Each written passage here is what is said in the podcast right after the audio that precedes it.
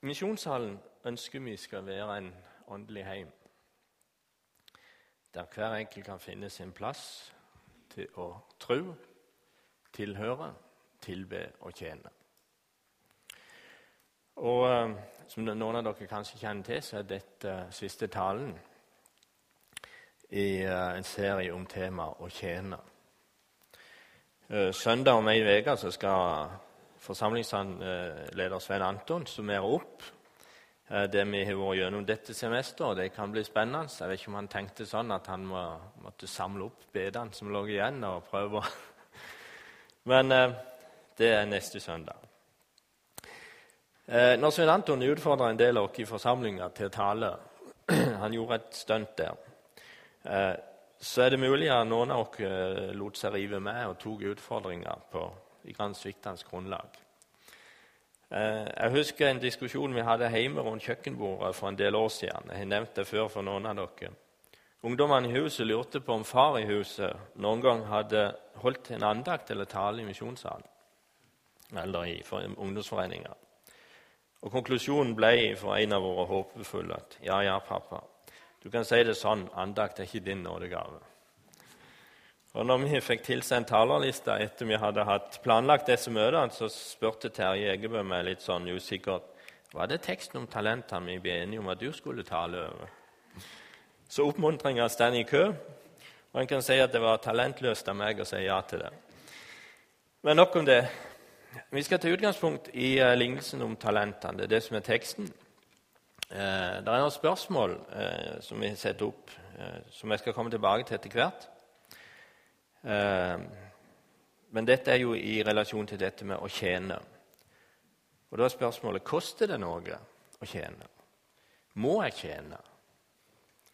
Og hvorfor tjener jeg? Eh, vi skal be litt. Kjære Jesus, takker deg for at uh, du er her, som vi allerede har merka. Takk for budskapet vi allerede har fått i sangen. Nå ser du uh, disse tankene som jeg har prøvd å sette i hop. Jeg ber Jesus at du må være til stede her, og at eh, du må bringe ditt budskap fram, Jesus. Be om den, din velsignelse. Amen. Vi skal lese teksten i uh, Matteus 25, 14 til, til 30. For det er som en mann som var i ferd med å dra utenlands. Han kalte til seg tjenerne sine og overlot dem eiendommen sin. Til en ga han fem talenter, til en annen to, og til en tredje én. Hver av dem ettersom de hadde evne til. Så drog han utenlands.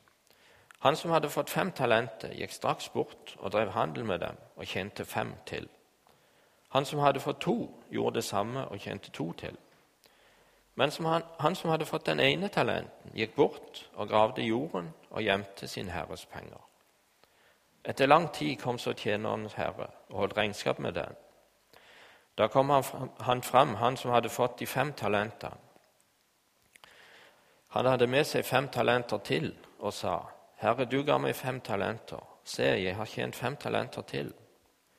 Hans herre sa til ham, Vel gjort, du gode og tro tjener. Du har vært tro over lite, jeg vil sette deg over meget. Gå inn til den Herres glede. Så kom han frem, han som hadde fått de to talentene, og sa, Herre, du ga meg to talenter, se, jeg har tjent to talenter til. Og Hans herre sa til ham, Vel gjort, du gode og tro tjener. Du har vært tro over lite, jeg vil sette deg over meget. Gå inn til din Herres glede. Men også han, kom, også han kom fram, som hadde fått den ene talenten og han sa, Herre, jeg visste at du er en hard mann, som høster der du ikke sådde, og sanker hvor du ikke strødde. Derfor ble jeg redd. Jeg gikk og gjemte talenten din i jorden. Se, her har du ditt. Mens han, her, Hans Herre svarte seg til ham, du onde og late tjener. Du visste at jeg høster der jeg ikke sådde, og sanker hvor jeg ikke strødde. Da burde du ha overlatt pengene mine til utlånerne så hadde jeg fått mitt igjen med rente når jeg kommer. Ta derfor fra ham talenten og gi den til ham som har de ti talentene. For hver den som har, til ham skal det bli gitt, og han skal ha overflod. men den som ikke har, skal bli fratatt selv det han har. Og kast den unyttige tjeneren ut i mørket utenfor. Der skal de gråte og skjære tenner. Dette er en utfordrende tekst på mange måter og kan se ut til å være i strid med det vi tenker alt av nåde. Og det er uforståelig matematikk i den. Og Så kan det være lett å blande Bibelens talentbegrep med vårt norske ord 'talent'. Selv om det i overført betydning for så vidt kan være relevant i forhold til teksten. skal jeg komme tilbake til det. Og som en av lederne i forsamling så kan det være fristende å tale alvorlig til folk at nå må dere sannelig stå på i tjenesten, folkens. Eh, jeg snakket med vår kjære forkynner Terje Thorsen for en tid tilbake og kom inn på at jeg skulle tale over denne teksten. Ja, du vet, det er en alvorlig tekst, det der, sa Terje. Men jeg pleier å ta fram det om de som syns de har så lite å komme med. Og han har et poeng der. Jeg si noe om det seinere. Men lignelsen er gjerne en påminnelse til oss kristne om viktigheten og for så vidt også alvoret i at vi forvalter de gaver som vi har fått, og får til framgang for Guds rike. Talentene tjeneren fikk, var fortsatt mannens eiendom, og de måtte gjøres regnskap for når han kom tilbake. Det vil si at det vi har her på jord, både materielt og menneskelig, egentlig er Guds eiendom, og vi skal stå til regnskap for det. Det er flere ting i teksten jeg har festa meg med, og noen stikkord. Det er talent, evne til, 5-5, 2-2, 1-0. Det er ikke fotballresultatene fra denne helga.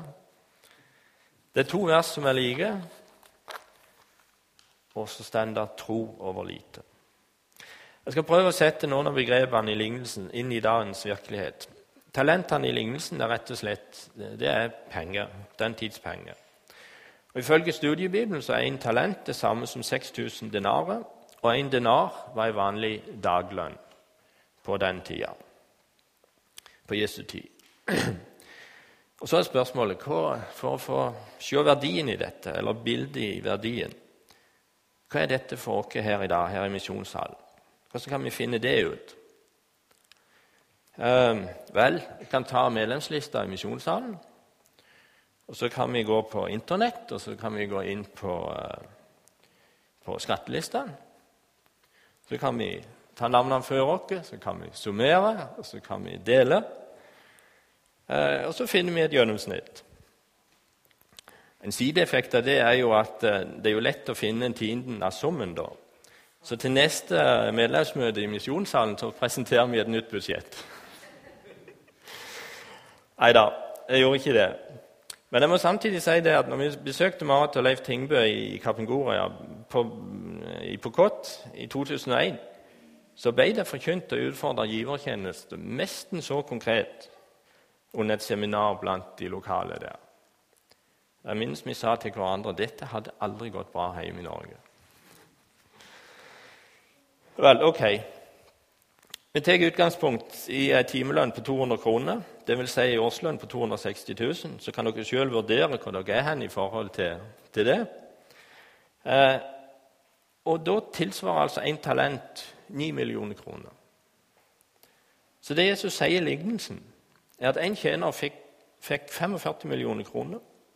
En fikk 18 millioner, og han som fikk én talent, han fikk 9 millioner cirka. Og hvorfor dvele så mye med, med disse tallene? Jo, jeg, jeg, tror faktisk det ligger et poeng her. Jeg tror Jesus vil si noe, noe om at det er en stor verdi vi har fått å forvalte i våre liv. Du har får alt du trenger for tjenesten i Guds rike. Og akkurat det du har fått, har stor verdi. Han har en plan med ditt liv, og han legger til rette for at du skal kunne leve i den planen. Og I lignelsen står det at mannen overlot eiendommen sin til tjenerne. Det står ikke noe om han bare delte ut litt. evne til. Jeg er i grunnen glad for at akkurat det ordet er tatt med. Det kan være vanskelig å akseptere, men likevel vi er ulike. Han delte altså ut etter hver, et som hver hadde evne til. Eh, vi er ulike, vi har ulike forutsetninger, vi har ulike naturgaver, og vi får ulike nådegaver. Men på den måten så kan vi tjene Jesus, hverandre og våre medmennesker på ulike og utfyllende måter. Og Jeg er helt overbevist om at Herren tar høyde for dette når Han ser på oss og legger planer for oss. En prest skal ha sagt Gud er rettferdig, derfor handler han ikke likt med alle. For å ta noen eksempler det er ikke alle som verken kan lede møte, eh, sitte i styret Burde kanskje ikke sagt det, da, men være forsanger eller holde andakt eller tale. Eller kanskje det er akkurat det du skal gjøre. Men for det om det ikke dette er din tjeneste, så er det noe Gud vil du skal være med å tjene med. Kan det være at du skal hjelpe noen i samtale én til én? Kan det være noe praktisk? Og kan det rett og slett være at du har så god økonomi at du på en spesiell måte kan være med og støtte arbeidet? Og så kan det være en tenker og de er så flinke og vellykka, alle de som står her framme på plattformer og deltar på ulike måter. Og Det er mulig at det er blitt sånn i våre sammenhenger at uh, terskelen er blitt høy, at det kan oppfattes sånn. Men er det ikke akkurat sånn at når noen deler sine opplevelser og erfaringer med Jesus, med oss andre, på en ekte Om det så skulle være på en uvanlig eller feil måte, så er det det som taler til hjertene våre. Det er det som slår igjennom. Og Hans Kjerkemann snakket for noen søndag tilbake om at han hadde angret på at han ikke hadde vært, vært mer dristig på Guds vegne. Der tror jeg vi har noe å ta med oss alle i hop. Og her kommer dette med talent i overført betydning inn. Kanskje er du her eller hører på har en anelse om at det er noe som passer for deg, ligger for deg. Men du tror ikke det er godt nok, det passer ikke inn osv. Jeg må bare si to ting. For det første at Gud gir deg frimodighet til å tørre å prøve, tørre å vise deg fram. Og for det andre måtte Gud hjelpe oss som er ledere, til å fiske det fram, og se det og oppmuntre.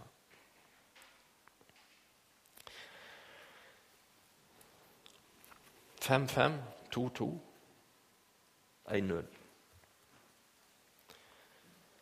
Det kan kanskje være vanskelig å forstå hvorfor mannen delte ut ulikt når han i lignelsen. Men jeg tror det kan hende noe med at vi er ulike. Men dersom vi ser på han som fikk fem talenter, og han som fikk to, så forvalta de begge gavene, eller resultatet ble likt. 100% utbytte. Kanskje det er bilde på at hvis du forvalter dine gaver til Guds ære, så er utbyttet godt. Og du vil kanskje bli trodd enda mer tilbake du kan forvalte for Gud. Ikke misforstå meg. Jeg skal ikke inn på noe herlighetsteologi. Men jeg tror dersom vi legger vår liv og gave framfor Gud, så vil Han lede oss og hjelpe oss videre. Og Jeg tror ikke det er sånn at vi som kristne bare kan avvente og stille og sitte stille og tenke ja, ja, og så kan vi se hva Gud legger i vår, i vår vei. Jeg tror vi skal ha forventning. Det står at den første og den andre tjeneren gikk straks bort og drev handel. Vi må rett og slett aktivt være våkne for de muligheter Gud legger til rette for i våre liv. Og En god start er kanskje å be om at Han må vise oss hva Han har lagt til rette. Så var det to like vers. Hva var det mannen sa til tjeneren som hadde forvaltet fem og to talenter? Vers 21 så stender der Hans Herre sa til ham, Vel gjort, du gode og tro tjener. Du har vært tro over lite, jeg vil sette deg over meget. Gå inn til den Herres glede. Og vers 23, der stender der Hans Herre sa til ham, Vel gjort, du gode og tro tjener. Du har vært tro over lite. Jeg vil sette deg over meget. Gå inn til din Herres glede. Det er ikke mye forskjell. Så har vi lagt vårt liv i Herrens hender, forvaltet det etter beste evne, og vår lydhør overfor det Gud vil vise oss, og tjenesten hans. Så sier altså Jesus, du har vært tro over lite, jeg vil sette deg over meget, gå inn til den Herres glede. Og I Roman 8, 32 så står det noe om hva vi har fått i Jesus.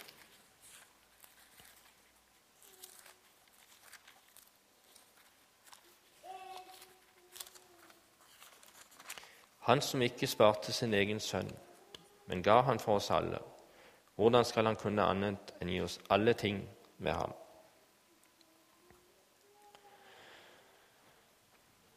Det er en tilværelse ingen av oss har mulighet til å forestille seg, og det er ingen forskjell. Så var det 1-0. Her er det uvanlig matematikk, og her er det uvanlig logikk. Hva menes med denne tjeneren? Han gjorde jo så godt han kunne. Han gravde ned talentet for å være sikker på at ingenting gikk tapt. Han var redd for mannen eller sjefen sin. Nå er det en eh, Så kan denne lignelsen brukes på litt forskjellige måter. Jeg vil bare ta med noen fra Jandagsbok, som er litt antolkning av denne ene talenten. Det var en kar som kom til pastoren sin og sa 'Jeg tror jeg har bare ett talent'. Pastoren spurte 'Hvilket talent er det?' Han svarte 'Jeg har kritikkens gave. Jeg er så flink til å kritisere'. Pastoren var en klok, gammel mann og sa Bibelen sier at han som bare hadde ett talent, gikk ut og gravde det ned. Kanskje det er det du bør gjøre med talentet ditt? Vel, vel. Eh, jeg tror kanskje ikke det var den settingen eh, Jesus tenkte på når han eh, fortalte denne lignelsen. Eh, men alle mennesker hører egentlig til og er Guds eiendom. Det kjenner vi jo fra Bibelen. Og Gud har lagt alt til rette for at vi gjennom Jesu død og omstandelse igjen kan komme til Han og ha samfunn med Han. Men så er mennesket redd. Det står at kjenneren var redd for mannen fordi han visste at han var en hard mann som høster der han ikke sådde, og som sanker der han ikke strødde. Er det et bilde på Guds opphøyde hellighet? At vi uansett hvor gode vi er i egen kraft her på jord, så oppnår vi ikke Guds standard, Guds krav. Og så gjorde tjeneren så godt han kunne av ren frykt, og gjemte det han hadde, for i hvert fall ikke å komme i minus. En annen tanke kan denne tjeneren være et bilde på en menneske som sier tenker og gjør følgende Jeg tror at Jesus er Guds sønn, og at han døde på Golgata. Når det gjelder livet her på jord, gjør jeg så godt jeg kan, og det er får tid til, men ikke noe utover det. Noen er kanskje fristet til å mene at dersom jeg ikke gjør noe, så har jeg iallfall ikke gjort noe galt. Jeg vet ikke om det går an å være kristen og tenke sånn. Men et av spørsmålene tidligere var må jeg tjene. Det sier må jeg forvalte mine gaver til Guds rikes fremme. Jeg tror at alle kristne har fått en tjeneste, også av den grunn at de gjør oss avhengige av Gud, og det skal bringe oss nærmere Han.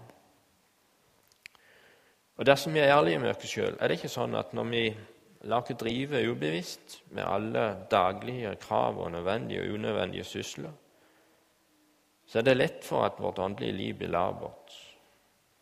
Og jo mer en trekker seg ut av stå i tjeneste, jo mer labert blir det.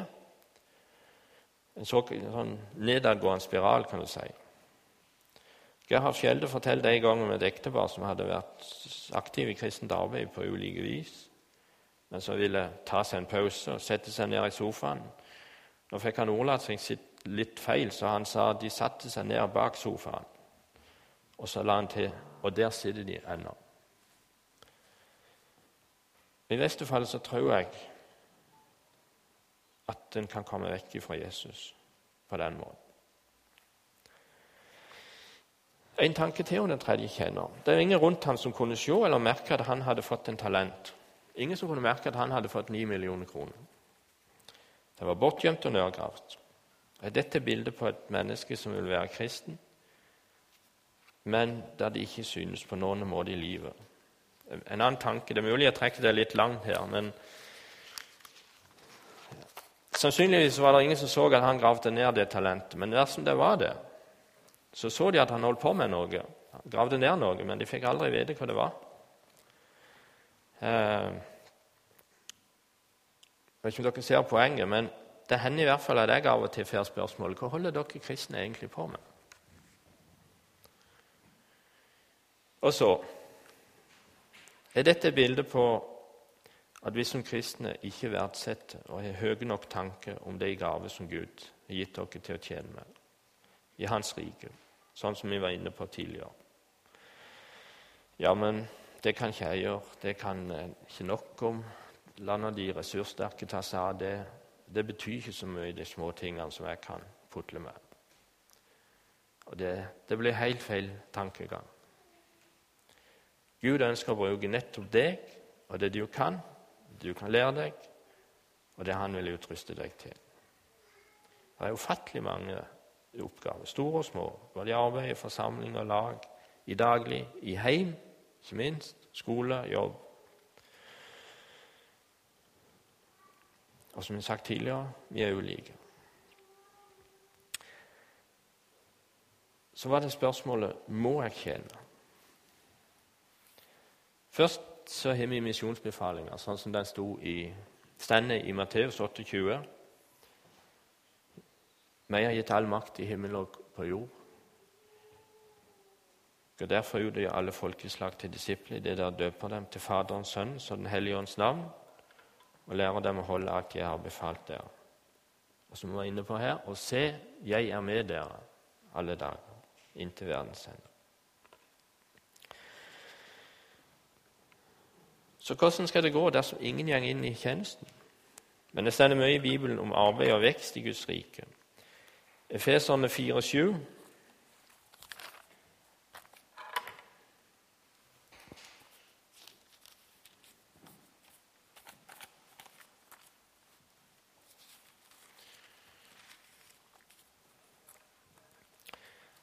til 16.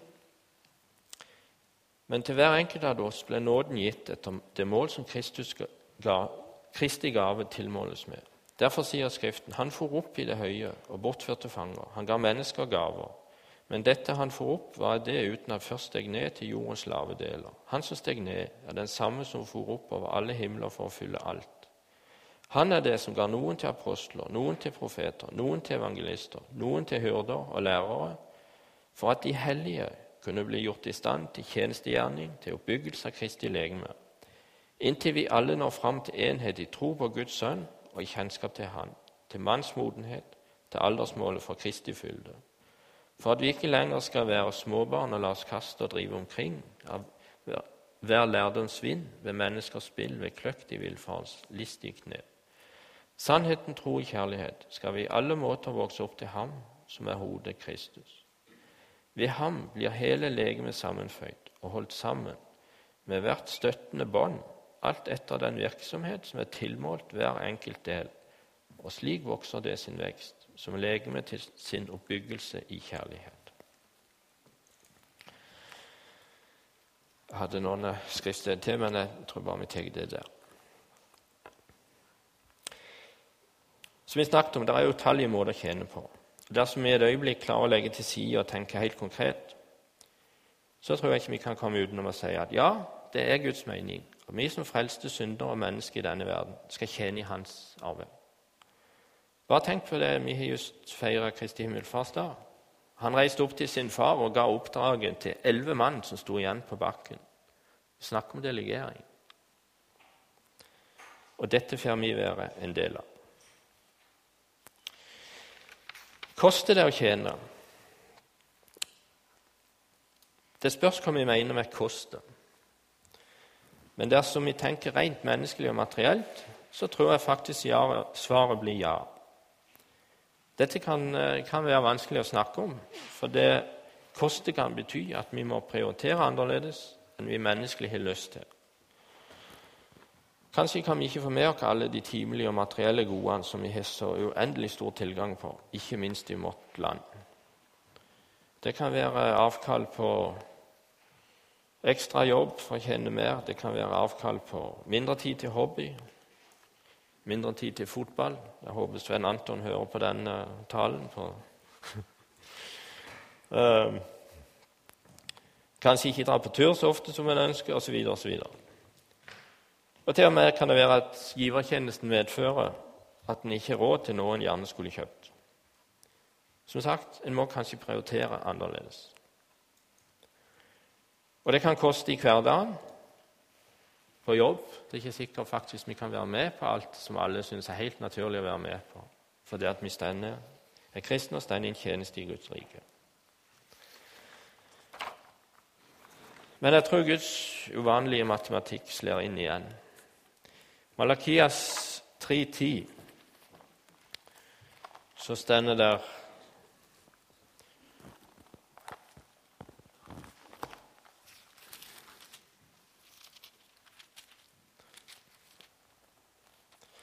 Bær hele tiden inn i forrådshuset, så det fins mat i mitt hus. Prøv meg på denne måten, sier Herren herskarenes Gud, om jeg ikke vil åpne himmelens luker for dere og øse ut velsignelser over dere i rikelig mål.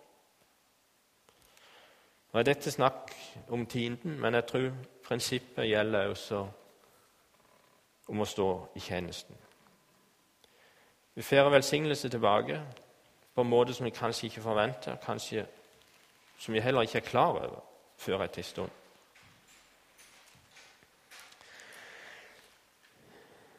Gud har altså gjort seg avhengig av deg og meg til å fortelle andre om hva Jesus har gjort, og at de kan bli frelst. Men så er det et grunnleggende spørsmål som en kanskje skulle tatt til å begynne med. Hvorfor tjener jeg? Eh, tjener jeg, eller skal vi si, deltar jeg i fordi at det er en fin plass å være, f.eks. i misjonssalen? Det er godt vennskap, godt miljø, sosialt fellesskap. Her har jeg alltid gått, vokst opp. Kristendom er en bra ting som vi vil støtte. Og det er mye fint og godt i, i dette. Men dersom det er grunnen til at vi tjener, så tjener vi faktisk på feil grunnlag. Det må bare være én grunn til at vi tjener. At vi har møtt Jesus for å se at han har betalt alt for, på korset, og at vi kan leve som frelste syndere og møte han i himmelen en dag. Vi må aldri komme vekk ifra korset. Det kan kanskje virke klisjéaktig å ta dette med nå, men jeg, mener det alvorlig. I alt vi står i og er med i, så må vi ikke glemme hvorfor. Og Derfor så vil jeg mot slutten her ta med et spørsmål som en forkynner stilte meg da jeg var i tenårene. Jeg har aldri glemt spørsmålet. Jeg har aldri glemt hvor vanskelig det var å svare faktisk akkurat der og da. Hva betyr Jesus for deg? Der ligger grunnen for å være med og tjene. Og som jeg har sagt, Han er en tjeneste for alle. Han vil bruke det han har gitt deg, til å være med i hans legeme, hans menighet. Det bildet med kroppen på hans menighet det er et fantastisk bilde. Vi vet alle i hop at det er det en liten ting som ikke fungerer, så merkes det. Det er plass for alt må fungere sammen. Trygve Bjerkheim han har skrevet sangen 'Gud har en plan med ditt liv'. Og I tredje verset så stender det 'Gud har en plan med ditt liv', en plass bare du nå kan fylle. Så lat han få leie deg dit. Hans signing skal livet ditt gylle.